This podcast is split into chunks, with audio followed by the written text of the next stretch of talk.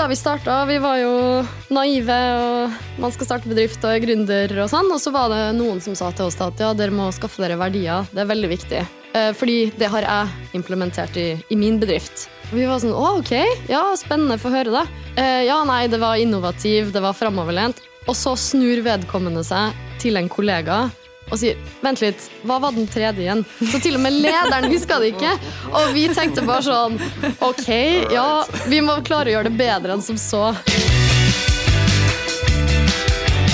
Velkommen til en ny episode av I loopen. Podkasten som gir deg inspirasjon og læring for å holde deg i loopen på jobb. Jeg heter Guro Seim og er som vanlig programleder. Oh, og jeg gleder meg til vi skal snakke i dag om eh, ja, vi kan kalle temaet handlingsbaserte verdier. Og for å snakke om dette, så er jeg veldig heldig å ha med meg Marit Rødevann, medgründer og daglig leder i den spennende nye bedriften Strice, som vi skal høre mer om. Velkommen, Marit. Hallo, hallo. Tusen takk for at jeg fikk lov til å være med og snakke om det her. Det blir veldig spennende. Ja, det blir det. Um, vi begynte faktisk å snakke litt om det i en badstue her for noen uker tilbake. Det skal jeg komme litt tilbake til. Men uh, først skal jeg introdusere vår neste gjest, Børge Henne. Uh, velkommen til deg. Du er leder for lederutvikling i Deloitte. Uh, kan vi si det sånn, eller? Det, det passer veldig fint. ja, Tusen takk. Ja, velkommen takk. til deg, Børge. Mm, du har jo vært med i en, eh, en, episode før, Børge, men det var digitalt. Så det er veldig digitalt. deilig å faktisk nå sitte i samme rom. Ja. Um, men kjære lytter, før vi nå dykker inn i temaet, så vil jeg at dere skal tenke litt etter nå. Hva er det som er eh, verdiene i din organisasjon der du jobber? Klarer du å komme på hva er verdiene som liksom ledelsen har satt uh, for dere? Kanskje ikke du har klart å komme på noe? Eh, I så fall så tenker jeg at det, det, er ikke din feil. Da er det kanskje noe man har som ikke har gått som det skulle, kanskje, i, i, i arbeidet med, eh, med, verdiene. Eh, for i dag så skal vi da få høre hvordan, hvordan man kan gjøre det, og at det faktisk kan funke i praksis. Og vi skal liksom dykke litt ned i hva er det som gjør at folk husker det og lever verdiene i en organisasjon. Og det skal vi altså snakke mer om. Men først, Marit, så vil jeg at vi skal bare eh, gå tilbake til at vi satt i, altså, i en badstue i en bursdag eh, ja. for noen uker siden eh, i Oslo. I disse badstuene som man, liksom, man hopper rett ut i, i fjorden. Og så spurte jeg Marit eh, spurte deg, ja, hvordan går det med deg. Eh, for vi kjenner hverandre fra før, da. Det kan jo være nyttig å si til lytterne. Vi ja, kjenner vi kjenner hverandre. Ja. Men ikke, det var jo lenge siden vi har Det var sikkert noen år siden vi har møttes. Ja, vi er liksom i samme alumniforening fra studiet. Eh, og du sa bare 'jo, det går så bra'. og hvorfor det? sa jeg. nei, det er veldig gøy på jobb. Å ja, hvorfor det? Nei, eh, det er eh, Vi har, det har det en del kulturen av disse verdiene, begynte vi å snakke om, liksom. Um, ja, stemmer det. Mm. Og, så, og, så, spurte jeg litt mer om det, og du begynte å fortelle hvordan dere faktisk har jobbet med verdiene, og hvordan dere har satt de. Og altså, jeg begynte også å få frysninger, og fikk en tåre i øyekroken. Det tror jeg aldri jeg har fått når noen har snakket til meg om, om verdiene i bedriften sin. Nei, det gjorde, det gjorde, veldig inntrykk på meg at det gjorde så inntrykk på deg. ja. Fordi jeg, jeg, begynte jo å prate om det her fra et perspektiv sånn ja, nei, ja, det er jo startup, det er jo hardt, det, men jeg syns det, det, er gøy. Teamet er så bra. Ja. Så, så, det liksom veier opp, da. Ja. Så det gjorde så inntrykk på meg at du ble så rørt. Ja, jeg ble faktisk rørt. Og jeg tror det hang litt sammen med liksom, at jeg jobber i et prosjekt nå for en veldig, veldig, veldig stor organisasjon um, som, uh, som, sliter veldig med det. I hvert fall noen av de verdiene som dere jobber med, som f.eks. å ta beslutninger.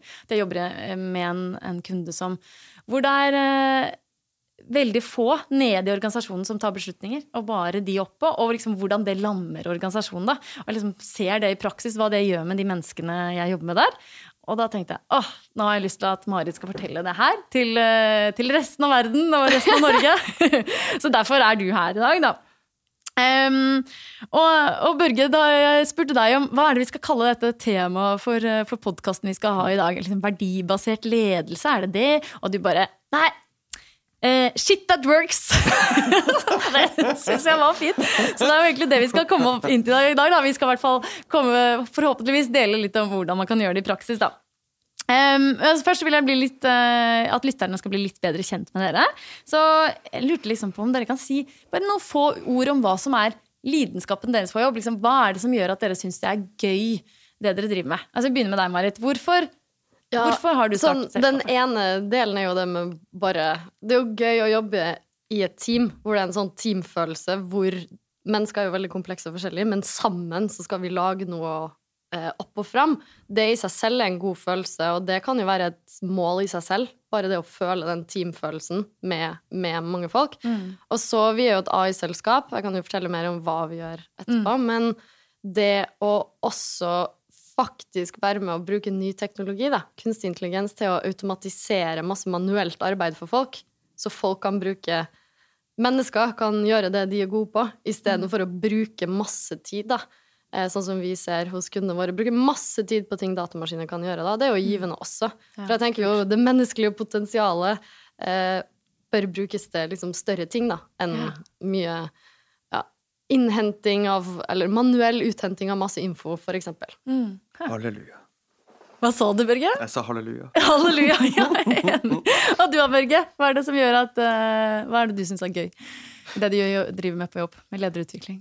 Vel, det, det går tilbake til meninga med, med, livet. Uh, den har jeg tenkt på siden jeg ble født. Så jeg er en av de som ble født med det ah. spørsmålet. Eller i hvert fall Jeg kan huske tilbake til når jeg begynte å tenke da, som sånn fire-fem år. Så alt siden da pondra med meninga med livet. I den søken da, så fant jeg ut at okay, det er én ting som aldri er feil. Eh, det er på en måte utvikling. Bidra til utvikling. Mm. Eh, så den landa jeg på en eller annen gang da i min ungdomsperiode. Og så står jeg på kjøkkenet, jeg tror jeg er 17 år, står og diskuterer med mamma da, på en måte, okay, hva, hva, jeg skal gjøre her i livet og i, i verden. Uh, hun stiller meg spørsmålet, så jeg sånn, nei, jeg vil ha en positiv påvirkning. Uh, og så begynner jeg å tenke ok, på hvilken måte jeg kan ha mest mulig positiv påvirkning. Jo, da tenkte jeg sånn gjennom ledelse. Så desto høyere opp jeg kommer, tenkte jeg, desto mer måte, positiv utvikling kan jeg ha, eller innvirkning kan jeg ha utover. Og da landa det litt sånn OK, eh, litt sånn umoden tanke.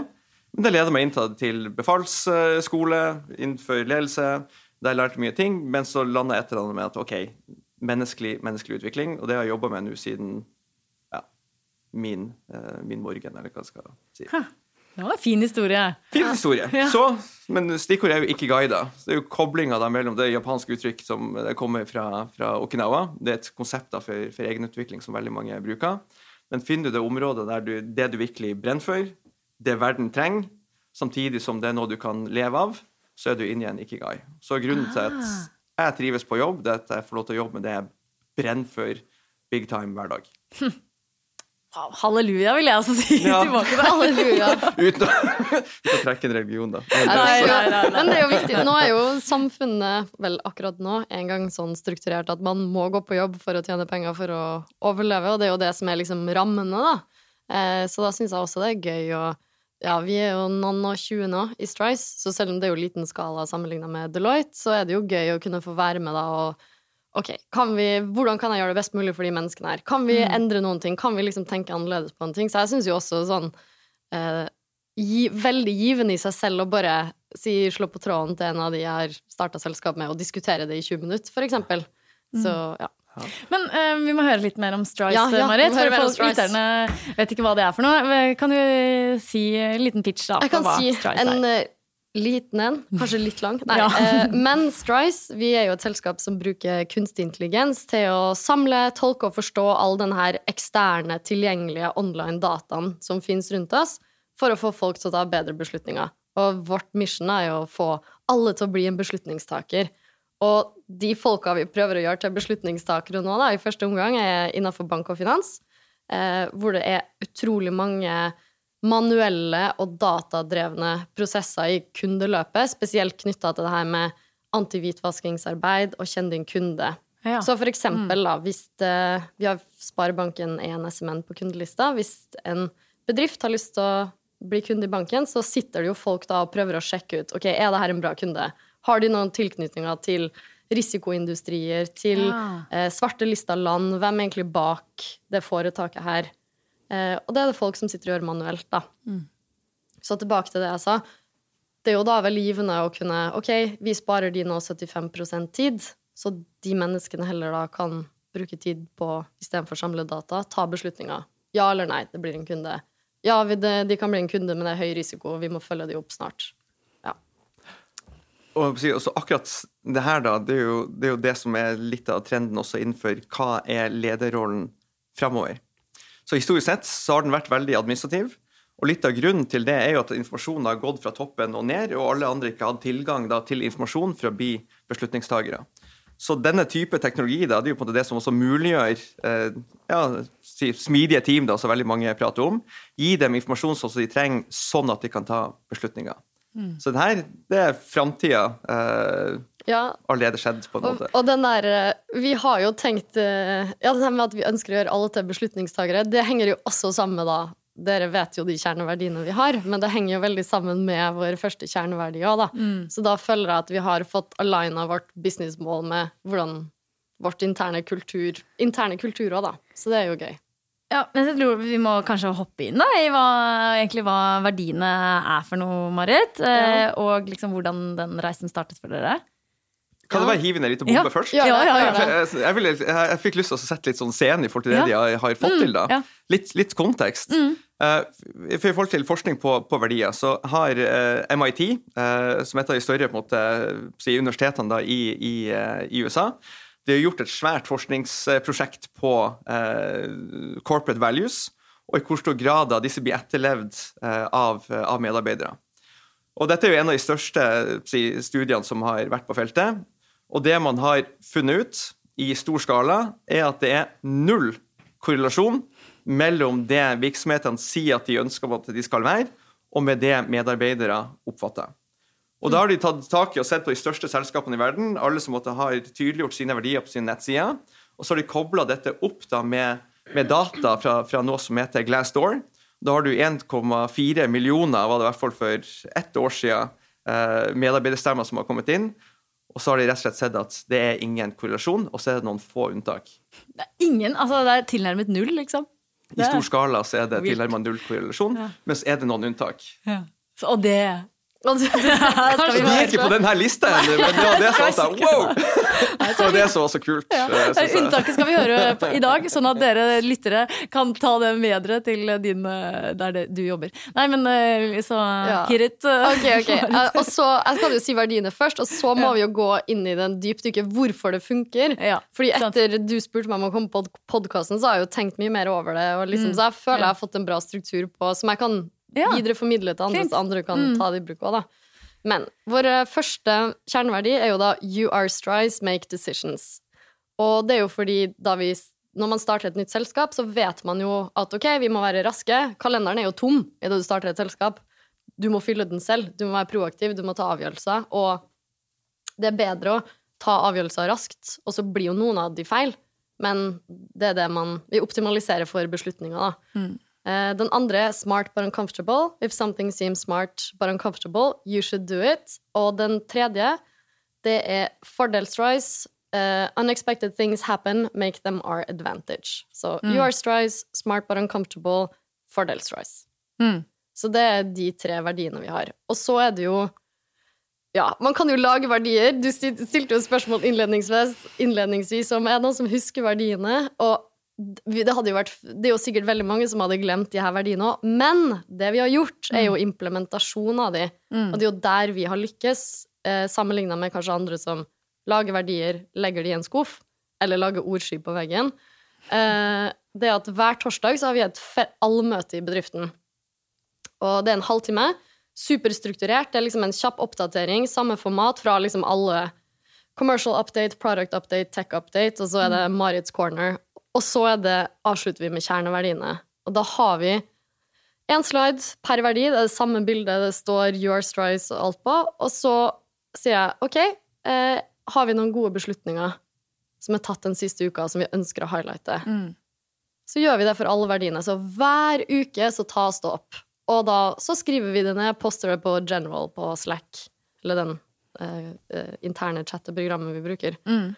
Og det gjør jo at folk får noe Hvis du har glemt det, så blir du i hvert fall minnet på det neste torsdag. Ja, fordi dere bruker det liksom hver, Hele tiden. Hver og, og, til slutt så mm. har jo det her blitt så innarbeida at folk skriver det jo på Slack. De bruker det når de snakker til hverandre. Det brukes som argumentasjon for at vi skal gjøre ting eller ikke. Mm. Så det er blitt så innarbeida del av det er det å være og jobbe i Strice. Og det er jo liksom en av nøklene til at det har lykkes, da, den implementasjonsbiten. Mm. At dere bruker den så mye.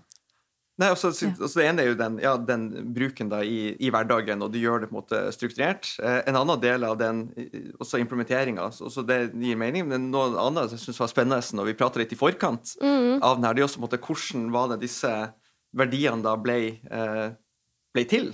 Ja. For det er jo ikke noe som bare én person satt og tenkte alene og sier Yes, det her, nå skal vi implementere helt nye verdier. Altså, det, er, det, er, en historie bak de, bak de også. Ja. ja. Enig, kan ikke høre den. Enig, Børge. Uh, ja, det var jo Jeg, jeg har jo starta selskap med to andre. Patrick Skjennum og Sigve Søråsen. Og vi, um, vi Da vi starta, vi var jo naive, og man skal starte bedrift og er gründer og sånn. Og så var det noen som sa til oss at ja, dere må skaffe dere verdier. Det er veldig viktig. Uh, fordi det har jeg implementert i, i, min bedrift. Og vi var sånn å, ok, ja, spennende, få høre det. Uh, ja, nei, det var innovativ, det var framoverlent. Og så snur vedkommende seg til en kollega og sier Vent litt, hva var den tredje igjen? Så til og med lederen huska det ikke. Og vi tenkte bare sånn OK, ja, vi må klare å gjøre det bedre enn som så. Eh, og så dro vi på hyttetur, som man gjør, og så var vi sånn OK, du vet, typisk session, vi skal ha Post-It-lapper, alle idémyldrer fem minutter, og så har vi fellessession og sånn. Og så var det jo han ene medgrunneren min, Sigve, som bare sånn Å ja, men vi har jo en kjerneverdi, fordel Strice, fordi han drev og sa det alltid da vi starta, fordi han er veldig fan av alpin ski. Og en eller annen skitrener da, uh, sa alltid på TV, uansett om det var sol eller snø eller is eller hva enn det var, så sa denne skitreneren nei, det her er fordel Norge fordi at det var bra smørning, eller at man at, hadde altså, trent man liksom skulle bruke det til sin ja, han, fordel, liksom? At ja, man er vant til dårlig vær? Liksom? Og, og, da begynte han også å si det, og så innså vi ja, det er jo en kjerneverdi vi har. Og så mm. det satte oss på sporet av å ha sånne handlingsbaserte verdier, da. Så tenkte vi den der, ok, men hva er businessmålene våre framover, da? Ok, vi må sikkert pushe oss selv veldig mye. Det, når man er gründer, må man jo det. Vi må ta masse beslutninger for å være raske. Vi må sikkert pivotere mange ganger. Det har vi jo gjort. Og da må mm. vi kunne ta beslutninger raskt. Og så kom de her tre verdiene, da. Egentlig da som en sånn Hva er businessmålene våre? Starta det som. Og så lagde mm. vi verdier etter, etter det. Og så har dere veldig sånn aktive verdier. Mm. Så de, de, er jo ikke ord som er i ro, det er jo ord som på en måte er, er så i altså. Så det impliserer jo noe folk faktisk gjør, da. Så det er jo en aksjon i selve, selve ordene. da. Eh, det er også så spennende når, i forhold til den eh, si, fordel eh, Strice. da, bare hiv på, på måte, forskning da, på å si resiliens, da, det å på en måte mm. holde ut uh, lengre. Så en av de hovedelementene som må være på plass, det er at man har en positiv innstilling til vanskelige utfordringer. Så hver gang man er i en setting som mm. også er vanskelig, og når man tenker ok, fordel, fordel, så aktiverer man jo for så vidt hjernen til å på en måte løse det, istedenfor å tenke oh shit, dette gikk galt, og så at man faktisk går, eh, går bakover. Ja. Så, så, jeg kan liksom bare støtte liksom, forskningsmessig også rundt der, liksom, verdien av de ordene som var der i, i, i forkant. da. Men en ting jeg tenkte på etter også da vi snakka mm. først, var jo ja, som du sa da, det var null korrelasjon mellom det å ha handlingsbaserte verdier og trivsel, performance og alt det her satt jeg og tenkte på det at ok, da vi starta Vi lagde jo egentlig verdier ut ifra et business goal. Mm. Og så tenk hvis vi hadde laga hver punktlig. Det er ikke sikkert det hadde fungert like godt. For jeg begynte da å bare sånn Ok, hva er det som gjør at akkurat mm -hmm. våre verdier har fungert? Og det er sånn som du sier, fordel strice, det handler mye om growth mindset. Mm -hmm. Og det er jo en viktig psykologisk mekanisme for å trives og kunne ha det. Ikke fortvile, se positivt på ja, vanskelige ting. Ja, en av de viktigste, faktisk. Mm. Og så er det jo den der You are strides, make decisions. Det handler jo mye om frihet og autonomi. Så når det kommer nye folk inn, så er det jo en av de første tingene de møter, er jo you are strides, du skal ta den avgjørelsen. Så det gir folk mye frihet og autonomi, som også er en veldig viktig psykologisk mekanisme. Og så har jeg tenkt mye på den der smart but uncomfortable. Og det er også Ja, det var jo det ene eksempelet jeg sa til deg, at her nylig så gjorde jeg en skikkelig stor fuck-up på vegne av Strice. Og idet jeg, innså, i det jeg innså det, det var ti minutter før det her torsdagsmøtet klokka ti, og jeg bare sånn, alt blodet i hodet bare sang liksom, Den der følelsen og bare hjerteklapp, kikka ned på Apple Watchen min bare å herregud. Det var en avgjørelse du hadde tatt, og så plutselig skjønte du Jeg hadde gjort en handling som jeg ikke hadde helt skjønt konsekvensen av, og så innså jeg sånn Faen, liksom. Det her er jo et problem. Og det er jo liksom på vegne av Strice, på vegne av alle. Og jeg innså bare sånn, vet du hva, det er smart but uncomfortable å si det til alle. Så når det møtet kommer, da, og vi kommer til slutten av møtet og smart but uncomfortable, så må jeg bare si høyt liksom, ja, det her og det her har skjedd, jeg har gjort det. Og så er det sånn Kan dere alle være med å eie den feilen sammen med meg? Og da var det jo sånn eh, Det skaper jo psykologisk trygghet. Mm. At du tør å si når du gjorde feil ting og sånn. Og da var, innser jeg jo etterpå at folk var sånn ja, selvfølgelig skal vi gjøre det. Og så var det kanskje ikke så ille som jeg hadde tenkt. Det var en Nei. fordel Stroy si det.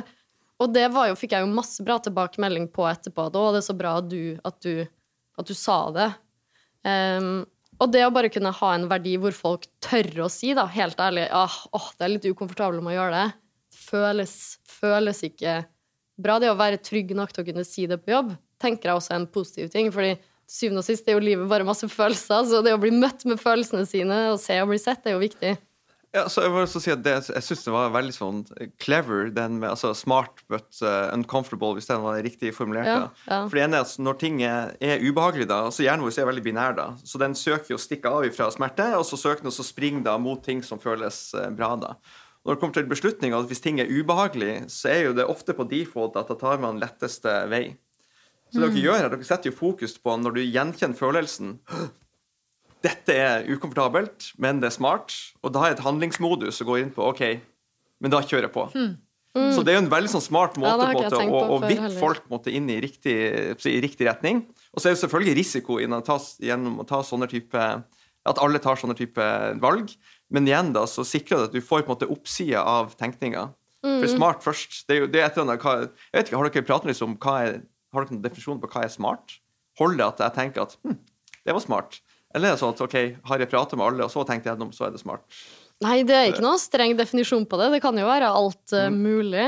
Uh, ok, la meg prøve å se om jeg Jeg har jo forberedt noen eksempler, men skal se om jeg klarer å huske noen nylige på akkurat smart but uncomfortable, for det er en stor bredde i det. Det kan være noe så enkelt som at ok, uh, vi hadde en bedpress på NTNU nå i høst for liksom 200 jenter som studerer teknologi. Og da var det jo han, eh, han ferskeste, William, han som akkurat har begynt da, eh, og gikk på NTNU i fjor. Jeg og han holdt presentasjonen. Ja, du gjør det. Det er smart but uncomfortable. Det kan være sånne ting. da, Få folk til å pushe Ja. seg akkurat litt. Eller det kan være større strategiske ting. Som Patrick, vår CTO og min medgründer, sa nylig til meg at de hadde brukt den på tech for å da eh, bruke Liksom ta i bruk mer ny teknologi. Og det er alltid Det er smart but uncomfortable Og ka kanskje kaste ut noe av tekstdekken du har liksom bygd selv, fordi nå finnes det et bedre off the shelf. Men det, det må vi da sette av tid til å faktisk gjøre. Og, ok, det, ja. Så det, det er en stor variasjon fra helt sånn på individnivå til mer sånn strategiske ting. Da. Og da ser jeg jo også det med verdier funker Nå er disse innarbeida, så det er jo mm, Du får med deg folk raskt, da. Det er ikke sånn just in time, det er jo well before, for å bruke bruke Ja, engelsk uttrykk. så, Det som jeg syns er, er veldig kul med de, de måte, si, eh, handlingsbaserte verdiene dere, dere har, da, eh, er jo på en måte at de, de på alle nivåer. Så det har ikke noe å si hvilken setting du er, eller hvilket nivå du er i organisasjonen. eller hvordan dere er. Det er noe som kan brukes her og nå i den konteksten som man, som man er i. Så du trekker deg litt opp sånn, sånn meta også på, en måte på, på sånn nerdeforskning på, på feltet, så heter jo det her heuristikker, eller heuristics, som egentlig er sånn tommelfingerregel. da. Og innenfor da ledelse i kompleksiteter, og innenfor på et ukjent eh, farvann, så har vi funnet ok, det å ha gode heuristikker da, er faktisk noe av det mest effektive, for det, det, det trigger riktig måte å tenke på.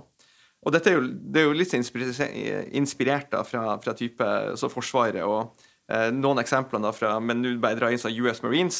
Jeg bruker det eksempelet kun fordi at Dave Snowden bruker det eksempelet. Dave Snowden er verdens fremste kompleksitetstenker i min uh, i mitt hode. Så har dere ikke lest han, les han. Uh, sjekk Kunevin-rammeverket. Du kommer tilbake hit.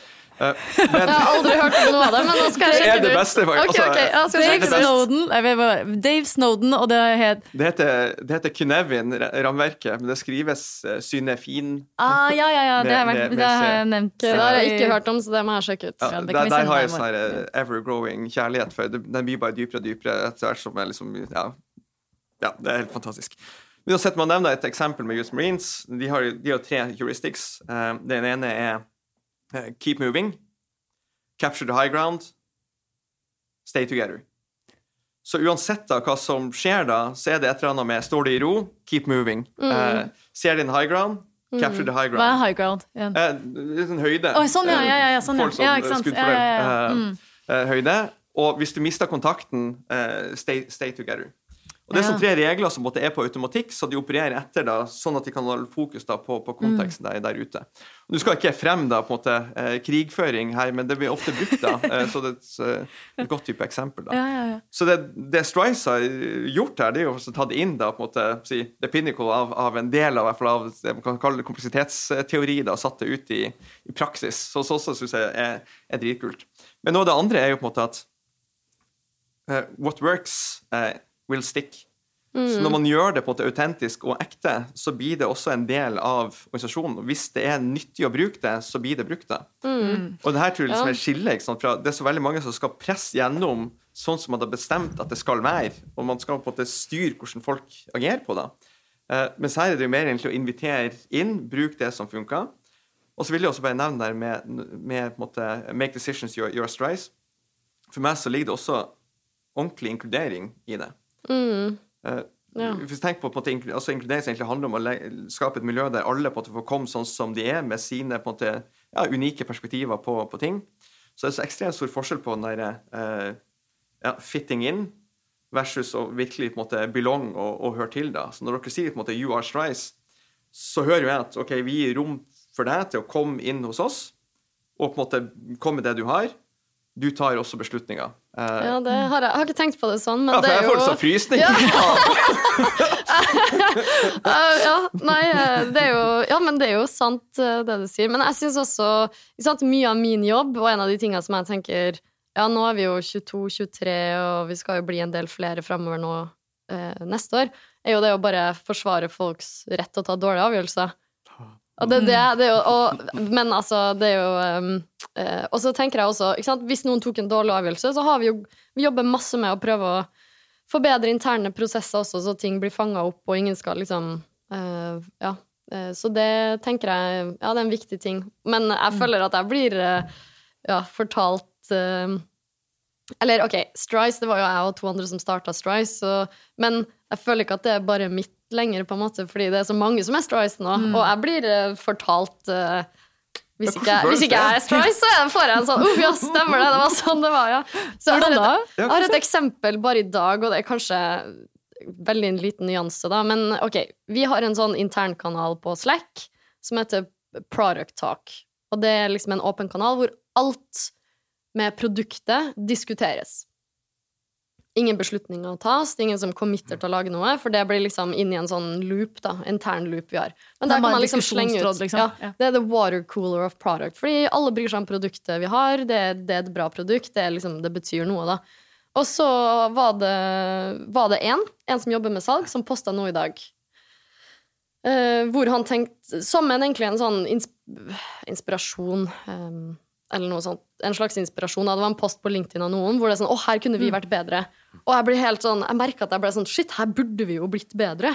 Og så, og så skrev jeg et eller annet. Um, så skrev, refererte han Han begynte her nå i august. Så jeg følte at det var en liten sånn reminder til meg selv. da, Hvor han var sånn Ja, nå må du huske på at vi hadde et lignende eksempel i tidligere for noen måneder siden, hvor det er fordels- fordelsstrice, og vi kan bli bedre. Jeg er sånn, ja, stemmer, det er jo en fordelsstrice, det her. Ja, At, at du eh, først ble litt sånn derre Nei, jeg fikk en plutselig sånn Jøss, hæ, er det her burde vi jo ha hatt allerede? Eller ikke hvorfor liksom. er det ikke sånn? Og så ble jeg sånn Nei, stemmer det er jo en fordelsstrice. Det var bra du minte meg på det. dette, dette skal vi bruke som en, til Ja. vår fordel. Liksom. Hvordan kommuniserte du dette tilbake?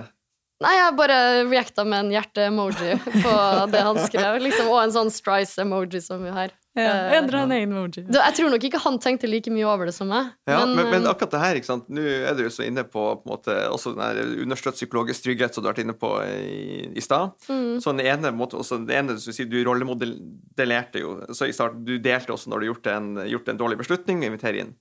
Det du gjør nå, det er jo på en måte å virkelig sette pris på noen som minner deg på verdiene, Ja. som da er en medarbeider. Så her, her støtter du jo på en måte den atferden som du ønsker å se deg og styre rundt deg, og så viser du også på en måte ydmykhet til OK, yes, Mm. takk. Så det er også sånn, en veldig så god så rollemodellering da, av psykologisk eh, Ja, trygghet. Men jeg tenker jo så også, hvis ikke jeg klarer å modellere det, så hvordan skal jeg forvente at noen andre skal bruke de verdiene hvis de Ja. Exactly.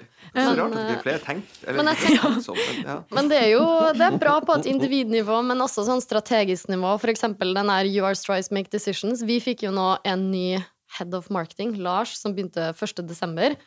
og da det var ut, ah, Jeg måtte bare glise. For han lagde da en presentasjon om her er vår nye marketingstrategi. Og da brukte han de kjerneverdiene i presentasjonen sin. Eh, og da er det jo sånn Du har jo hele organisasjonen med deg sånn.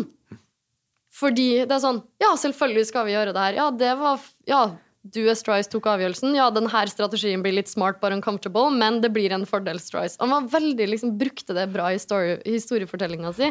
Og det er også den der med si endringsledelse og verdier. Hvis du har organisasjonen med deg på noen sånne noen, noen ting, da, så blir det jo også lett å gjennomføre endring. Mm. Fordi du, folk er sånn Ja, det er sånn, vi opp, sånn er det her i Strice. Du brukte de, jeg skjønner hvorfor vi skal gjøre det her nå. Ja, eller Det blir jo lett å gjøre en endring som på en måte er i tråd med kulturen. Ja. Og så vil jeg tenke også, hvis jeg hiver det vil være veldig vanskelig å på en måte få traction hvis man ikke er på G-da med, med kulturen, ja, og man skal måte, tvinge inn noe som ser annerledes ut. Ja, jeg tror jo f.eks. hvis du skal trives da, mm. hos oss, så må du jo være en person som er villig til å være strice og ta avgjørelser. Ikke noen som sitter og venter på å få ansvar, f.eks. Ja. ja. Det høres ut som veldig sånn ting som kommer fram i rekruttering og sånn. Ja.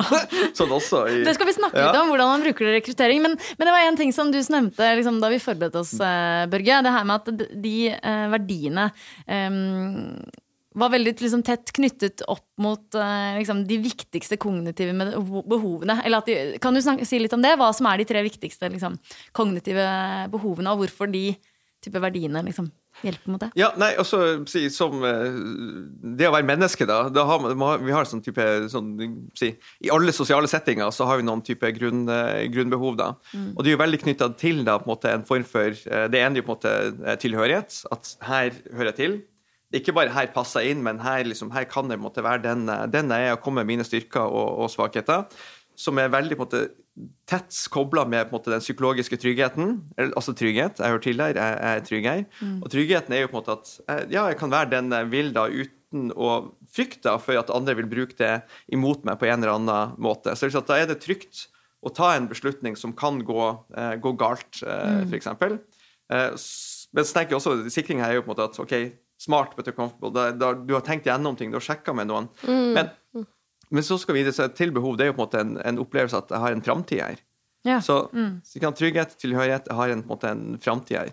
Og det er jo på en måte et signal på at jeg passer inn her framover. At, at, det er en forutsigbarhet i det, liksom? En forutsigbarhet mm. i det, da.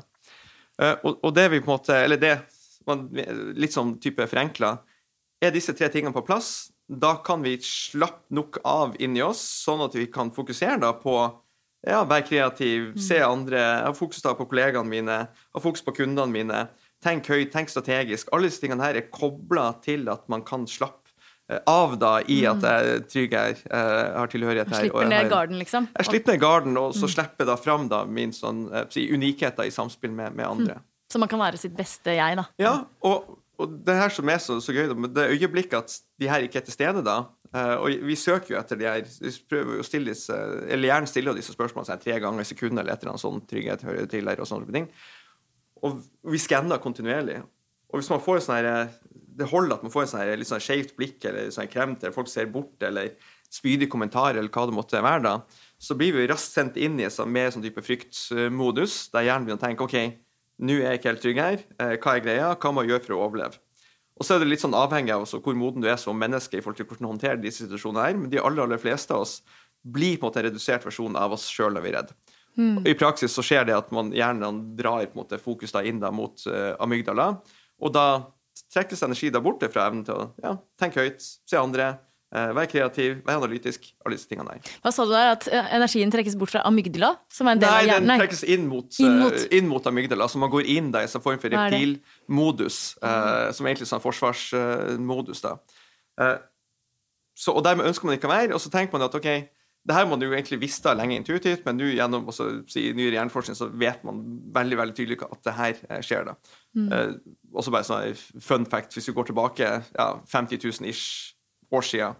En av grunnene til at menneskeheten overlevde, var at vi var i stand til å samarbeide. Eh, og det vil si at det å ikke passe inn da sosialt eh, betydde at når man er alene, det equals death. Så det vil si at hjernen vår har på en måte vår frykt for å dø da, og på en måte frykt for sosial avvisning er lagra på ca. samme plass i hjernen. Så hjernen kan ikke helt skille. Så nesten i enhver sosial setting da, så er det potensiell dødsangst. Og Derfor er det så ekstremt viktig at man skaper et, et miljø da, i, i, ja, der man jobber, da, men også i ja, venner og alt som går på sosiale. da. Mm. Der man på en måte lager en trygghet for eh, tilhørighet, sånn at vi kan på en måte eh, ja, slappe av for å være den beste versjonen av oss ja. sjøl. Så kult. Nei, det, så, ja. Nei, jeg har ikke tenkt over det sånn før, men det gir jo mening, det du sier. Men jeg tenker også sånn personlig, så ja, så har jo de verdiene og smart but uncomfortable og det å tørre å si ting man gjør feil, det man gruer seg for, har jo hjulpet å utvikle meg som person òg, da. At uh, det er jo lett da, når man er leder og tenker at ok, jeg, jeg, må alltid ha svaret, fordi til syvende og sist er det jo til deg folk ser til hvis det er et eller annet. Jeg merker alle snur seg til meg en gang av og til, så jeg sånn ja, men jeg har jo ikke svaret, tenker jeg inni meg. Mm. Og da er det jo veldig lett å skulle påta seg den rollen om at ja, men jeg, jeg er alltid trygg, jeg vet alltid svaret, ha på skjold, ikke vise hva man føler, ikke si helt hva man tenker. Um, og jeg har bare nå konkludert med at ja, du kan være en trygg og bra leder som ser alle, men det går helt greit å si 'jeg fucka opp'. Kan dere eie det med meg? Mm. Eller 'jeg vet ikke helt hva vi skal gjøre nå'. Jeg kan jo si det mm. også. Liksom. Hva syns dere, eller Da pleier jeg å si sånn Men dere og Strice, hva tenker dere? ja. du, jeg må hive i relasjon en liten sånn eh, skryte av, av en av partnerne i, i, i Deloitte. I, altså det var en veldig sånn Eh, lik historie, da. Eh, så, så, dette er fra, fra Arve Høgseth. Eh, ja.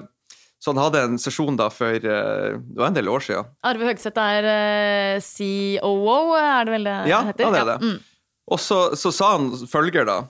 Hvis du har et problem og ikke deler det problemet, så er det ditt problem. Men hvis du deler problemet med oss, så er det Deloitte sitt problem, og vi har mm. ryggen din. Da husker jeg at jeg fikk også si frysning nedover ryggen. Og det er litt sånn i, i, ja, det er godt sagt, ja. ja, ja, så jeg, jeg måtte bare hive den her, ja. den her med. Mm. Ja. ja, det er et godt poeng.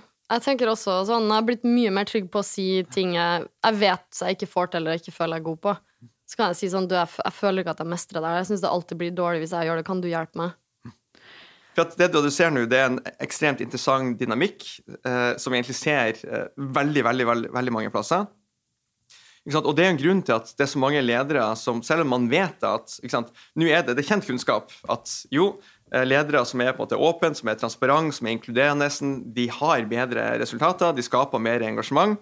Eh, Vi har visst det så lenge. Men allikevel er det så ekstremt mange som på en måte har dette behovet da, for å fremstå som at man har svarene hele tida, og beskytte seg sjøl. Eh, det er veldig, veldig interessant. Mm. Og så er det et eller annet med disse si, miljøene man skaper da, i forskjellige typer selskaper. Så Hvis man har si, mer sånn, smidige, mer flate selskaper som både, ja, jobber da, ja, mer sånn som dere, da, så er det kanskje mindre på en måte, si, sosial risiko gjennom på en måte, å vise egen sårbarhet fordi at man er mer sånn type miljø, enn si, kanskje noen, de mer sånn tradisjonelle hierarkiske selskapene der vi vet at måte, desto høyere opp man kommer, desto mer konkurranse blir det om plassene. Mm. Og gjør man feil da, så, så, blir risikoen såpass stor, det er så mange som vil ha plassen, at man risikerer da å på en måte bli tatt ut av noen andre gjennom ja. forskjellige former for politisk spill. da.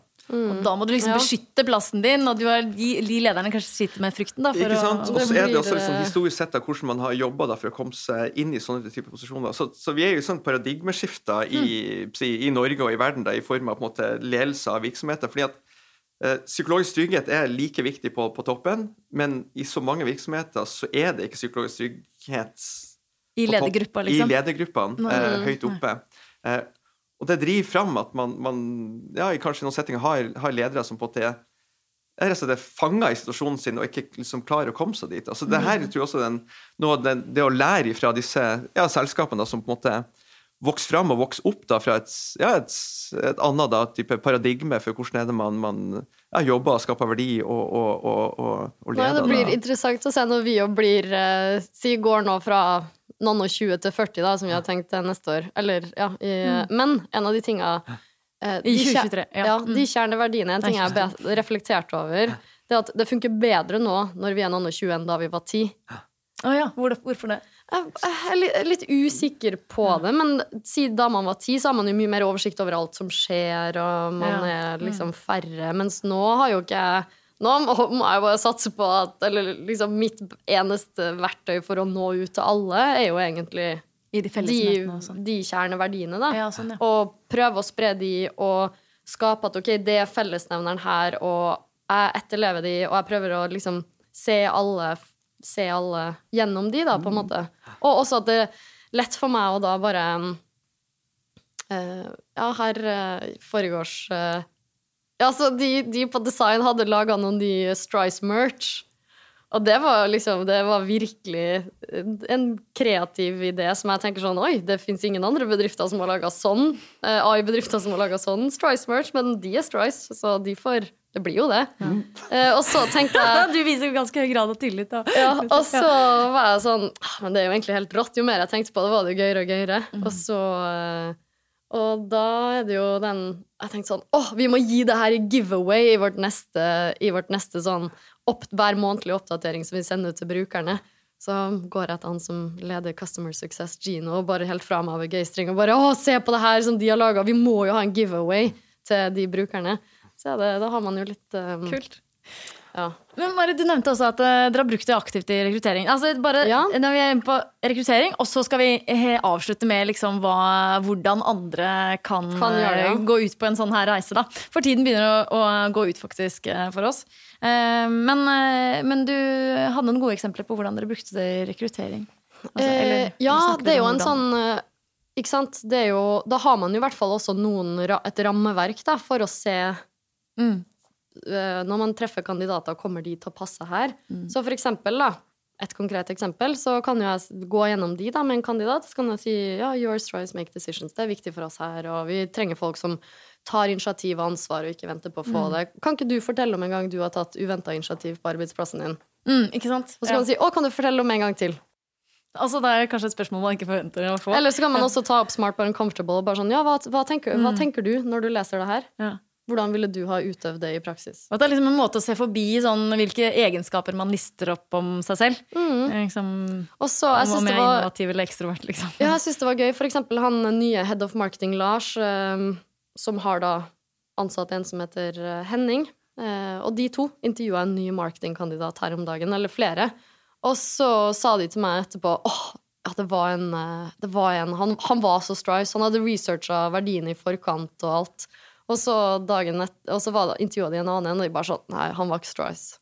Nei, ok, han passa ikke inn, liksom. Ja, Nei. Så det er jo en sånn De mm. brukes aktivt sånn òg. Ja. Så, ikke meningen å sende en curveball på den. Ja, her, gjerne gjør det. Gjerne ja, men det her er en sånn, det er interessant, da. For det, det ene er jo balansen da mellom mm. måtte mm. si, tilhørighet. Eh, med tilhørighet så er det jo du har jo en nedside som er gruppetenkning. Så jeg vil si at mm. hvis man har en, en viss måte man skal være på, og at da, da begynner på å ikke ta inn da noen fordi de ikke passer, inn, passer ja. helt inn. da. Blir alle like, liksom. Eh, men det her er veldig tosidig, for den ene er på en måte en kultur da, som man ønsker å ha, men det andre er jo på en måte at man ønsker på en måte å øke ja, øke mangfoldet, da, eller mm. unngå da å gå i på en måte gruppetenk-greia eh, for fort. da.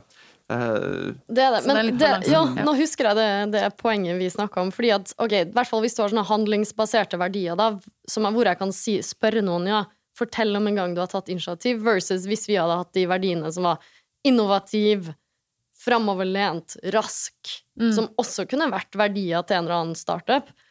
Hvis vi hadde brukt de aktivt i rekruttering, da, innovativ er jo en egenskap, så der setter vi jo et likhetstegn mellom verdien og personlige egenskaper. Mm. Så tenker jeg også på Strice. Liksom, jeg syns kjempemasse folk er innovative. Mm. Men hvis jeg hadde spurt folk i Strice hvem er det som satte alle foran meg og sagt sånn Ja, hvem er det som innovativ her, føler seg innovativ, kan dere rekke opp hånda? Så tenker jeg det er ikke sikkert at det er de som er mest innovative, som rekker opp hånda. Det kan være helt andre personlige egenskaper som gjør at du i det hele tatt tør å rekke opp hånda. Ja, fordi du er kjempeekstrovert. Så det å liksom på en måte sette da verdier, eller bruke egenskaper som verdier, kan også gjøre at du egentlig da rekrutterer veldig feil. Mm. Så selv om man trenger å være en startup som er innovativ, så kanskje du bare da ansetter eh, ekstrovert, modige folk. Mm. Men er ikke sikkert de innovative, selv om du tenkte de var det. Mm. Jeg har bare møtt så ekstremt mange også. Ja, folk som er litt stille, da, som ikke vil hoppe på. Som selvfølgelig på en måte viser og har de mest på en måte, geniale ideene. Så et eller annet med mm. der, Det er jo noe med å blokke ut også alle de som bare tar uh, tar plassen og, og på en måte aktivt skaper rom da, for, mm. for, alle. Så jeg måtte bare si meg enig. Ja. da skal vi egentlig begynne å runde av dere. Det jeg har lyst til at vi skal dele, da, er liksom, hva, hvilke tips vi kan gi til uh, de som hører på, da, til hvordan man kan, uh, hvordan man kan utvikle og ta i bruk uh, verdier på jobb. Um, Føler du deg kallet Ja, til å starte med eller, ja, jeg tenker- Tips fra deres eh, perspektiv? Hvis jeg skal på en måte prøve å oppsummere det vi har prata om her, så tenker jeg ok, først du må jo sette noen verdier som er i tråd med de businessmåla man har. Fordi man er jo på jobb. Man må Det er jo det man er. Men så bør man eh, da sjekke om at de faktisk bygger opp under psykologiske mekanismer man ønsker å ha på jobb, som eksempel at man er ja, trygg istedenfor å ha en handlingsbasert verdi, sånn be on time. Det, det, er det kunne jo vært en verdi for å oppnå et businessmål òg, men det er ikke sikkert den bygger opp under de, de mekanismene. Og så er det jo den med implementasjon, og der tenker jeg sånn Du kan av og til ikke få gjentatt ting ofte nok. Så bare sørg for å finne en måte hvor du får gjentatt det liksom likt hver uke. Eh, Og så at de her holde seg til den strukturen, da, som han har sagt. Mm. ja, og så at de verdiene ja, de må bygges opp under en eller annen sånn psykologiske mekanismer. Det må være noe folk husker. Det må også være noe som gjør at folk tenker 'Å, hvorfor det?' Liksom, Hvis jeg sier sånn 'Du må være Strice', hvorfor det? Det er liksom noe som skaper en 'hvorfor det'. Eh, det også kan være liksom gode tommelfingerregler. Da. For hvis du lager en verdi som folk møter på én gang i året, Ja, det da kommer de ikke til å huske det. Du, Børge? Andre ting? Altså, i bunnen, da, så, det jeg mener sånn personlig, det at man skal jobbe med altså en verdi, det, det er noe som er på en måte Greit, det er på jobb, men det er noe som er på en måte personlig, og det er personlig, det representerer identiteten da, til både på en måte, si selskapet, men også til, til de som er der. da. Så tenk, Skal man jobbe med verdier, så er det et eller annet med at man gjør det fordi at det er ekte. Eh, For det er nok av eksempler med ok, vi må bare ha verdier, vi må ha vision state, vi må ha, vi må ha, vi må ha. Og så leier man da inn da, ja, konsulenthus da, til å hjelpe seg med ok, nå skal vi gjøre det. Eh, og så er det liksom implementert, eh, fikst ferdig. Eh, og så er det alt sånne ideer, ja, det må gjentas og bla, bla, bla. Eh, så jeg tror veldig mange misser poenget med at ok, man må finne kjernen da i den man faktisk er, det man vil være. Det må være ekte også fra, ja, altså fra toppledelsen og, og ut. Det er ikke noe man bestiller andre for, for å gjøre. da. Men dere, nå eh, Må vi avslutte? må vi avslutte. Det her var superspennende. Tiden fløy. Eh, jeg får bare En, en, ting til. Ja. okay, okay. ting. Ja, Børge, Børge jeg, må, jeg, må, jeg, jeg må si den. Ja, ja, ja. Eh, men smart but uncomfortable. Eh, de aller, fleste, så det her, er, det her er utviklingspsykologi, da, hvordan vi mennesker skal utvikle oss over, eh, over tid. Da. Det er ekstremt mange som brenner inne med smarte ting de har tenkt på, men som de ikke har lufta eh, på en eller annen måte, eller gjort noe med, fordi at de har fulgt den normen som, som er der. Så et av de måte, vanskeligste skiftene mennesker måte, gjør da i sin utvikling, det er jo på en måte å begynne å ta mer selvstendige beslutninger rundt det som er ukomfortabelt, men man egentlig har tenkt, tenkt gjennom, og bli tryggere på å gjøre det. Så selskaper som speeder opp den prosessen, speeder jo også på en måte opp den utviklinga som folk vil ha, som jobber, eh, jobber der. Så det, det er en av grunnene til at jeg virkelig digger akkurat den. For den er det som på en måte på engelsk Det er en developmental greie som gjør at Det iallfall bidrar med at eh, folk hiver seg tidligere uti og på en måte prøver å utnytte ting, så at man lærer eh, raskere. Jeg digger den delen òg. Kult. Ja, kult. Jeg må bare si kult. Nå må vi runde av. Men hjertelig tusen takk for at dere kom, Tusen- eh, Marit og Børge. Tusen takk for at du, jeg fikk komme. Ja, det var veldig gøy å fortsette badstuepraten. Nå med klær. Ja. Um, kjære lytter, takk for at du hørte på. Hvis dere har tips eller ris og ros eller eh, episoder dere har lyst til å høre, så skriv til oss på eh, Facebook eller Instagram til Deloitte Norway. Det var alt for i dag, og jeg sier som jeg pleier, vi høres.